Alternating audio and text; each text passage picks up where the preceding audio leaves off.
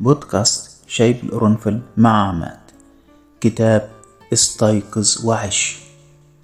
كتاب استيقظ وعش يعتبر من الكتب التحفيزية الهامة والصادقة وأروع ما في الكتاب إنه ليس كباقي كتب التنمية البشرية التي تبالغ في التحفيز إلى حد كبير دون الهبوط إلى أرض الواقع. لقد أحسنت مؤلفة الكتاب دروسي براند في التحدث عن الفشل قبل النجاح بأسلوب عملي ومنطقي كبير. يبث في روح القارئ ويدفعه إلى العزيمة والنهوض للحياة بشكل أكثر إيجابية وواقعية ورغبة أشد في تحقيق النجاح. من أجمل ما قرأته في هذا الكتاب استيقظ وعش عبارة تصرف كما لو كان الفشل مستحيلا. اجلس مع نفسك وفكر قليلا وتأمل لتقييم حياتك. حينها ستكتشف حتما إنك لم تعيش بأقصى إمكاناتك بل كان الفشل رفيقك في كثير من الأحوال. لكن ماذا لو كان هناك وصفة خاصة للنجاح بها تتصرف وكأنه لا يمكنك أن تفشل؟ ألن تكون هناك صور التغيير في حياتك ومغامرة ممتعة مثيرة لا تقلق كثيرا في كيفية تحقيق ذلك؟ ستجد هنا وصفة للتغلب على معوقات النجاح وموانع تحقيق الأحلام من خلال خطوات عملية للتغلب على إرادة الفشل والوصول إلى النجاح وكأنه من المستحيل لك أن تفشل. وظف ما تستهلكه من وقت وجهد لتحقيق النجاح بدلا من الفشل. عندما تفشل فكر في الأمر وتساءل لما لا يمكنني أن أستغل طاقتي المهدوره ومجهودي المبذول في سبيل نجاح بدلا من أن أصل إلى نقطة خاطئة أعتبرها كفشل لي. فالفشل له إرادة مثل أي إرادة أخرى كإرادة الحياة أو القوة.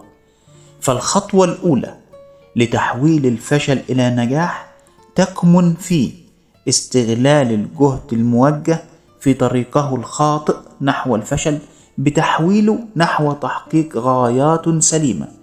ولكي تتمكن من النجاح في مثل هذه التجربة فأنت بحاجة إلى الخيال والتضحية بما اعتدت عليه كعادة الشك مثلا.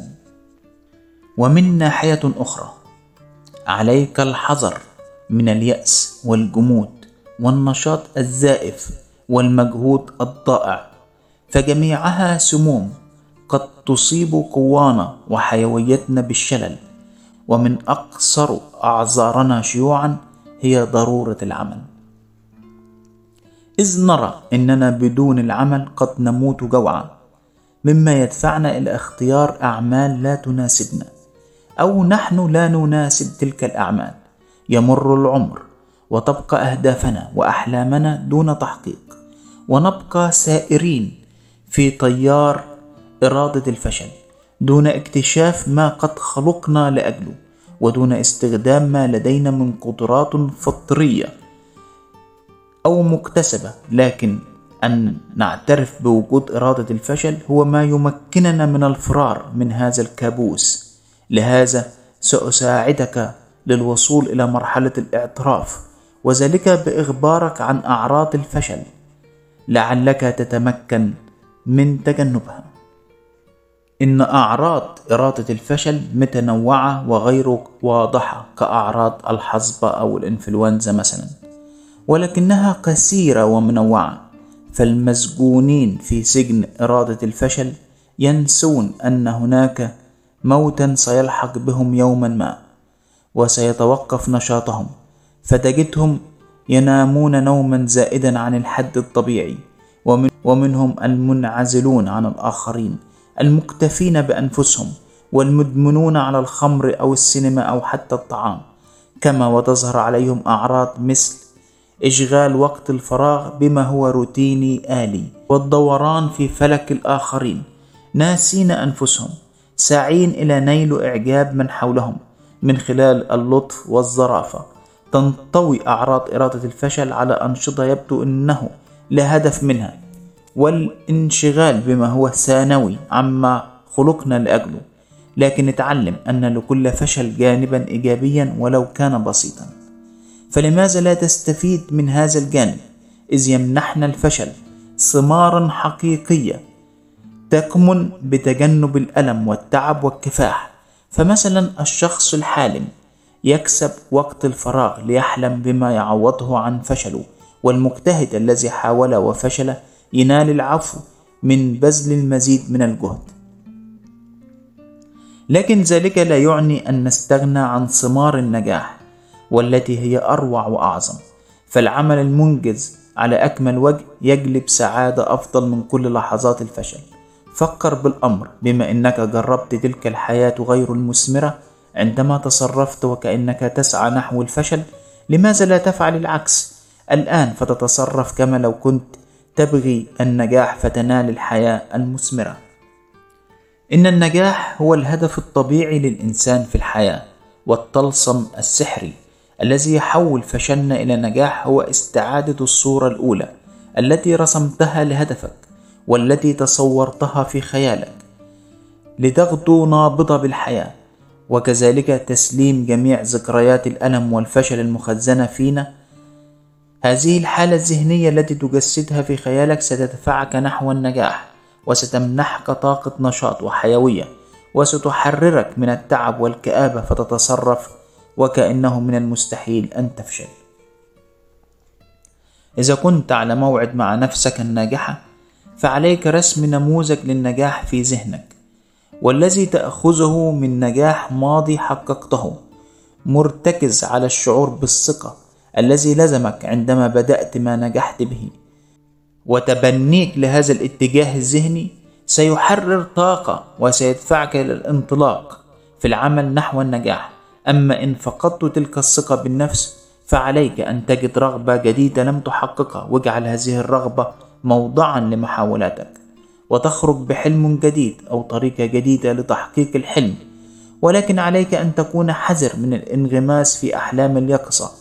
بل اعمل كل يوم شيئا ما يقربك من هدفك مهما كان هذا الهدف بعيد. والآن يمكنك أن تسأل نفسك ماذا ينبغي أن أفعل. إذا كان مستحيلا حقا أن أفشل فكر لتكتشف الخطوات الأولى ثم تساءل ما الخطوة الثانية؟ وهكذا ينمو ويتشكل الهدف. فيقودك أمامه بدلا من أن تقوده أنت. إضافة يعتمد النجاح على حالة إيجابية في الجسم والفكرة وعلى المصابرة في العمل والإقدام فالخيال الصحيح يختلف عن الوهم وهو الذي يتبعه الحماس والعمل. لكن عليك أن تكون حذر من تسليم نفسك لتنويم مغناطيسي أو إيحاء ذاتي بل خذ نفسك بشيء من الإرادة إلى أن تصل إلى مرحلة التصميم. لذا عندما تواجه مشكلة قم بخطوتك الأولى نحو حلها.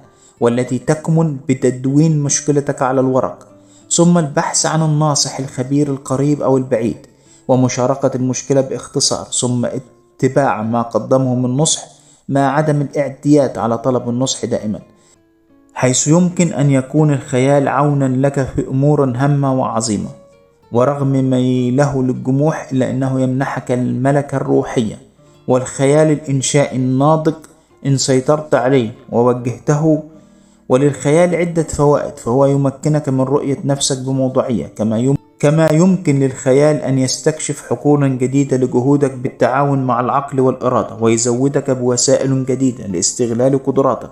عندما تحدد عملك ودورك في خيالك تبدأ العمل لتصل أقصى نشاط وللتغلب على ميلنا لإنجاز الأعمال بروتين دون جهد واهتمام واعي. والإكساب العقل الحدة والمرونة يمكننا استخدام العديد من التدريبات الذهنية ومنها. قضاء ساعة من يومك تمتنع فيها عن الكلام وتكتفي بالإجابة عن الأسئلة فقط. تعلم حصر تفكيرك في موضوع واحد لمدة نصف ساعة كل يوم. حاول كتابة خطاب جزاء خالي من كلمة أنا بأي أشكال.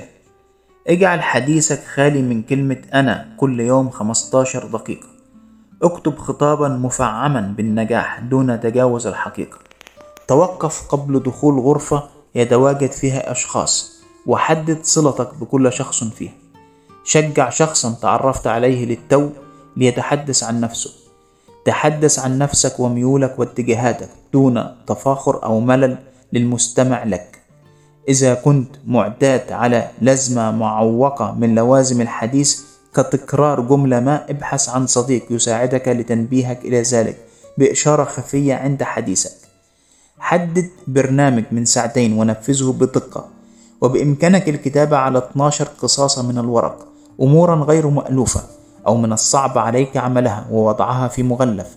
اختار مغلفا كل أسبوعين أو شهر ونفذ ما به.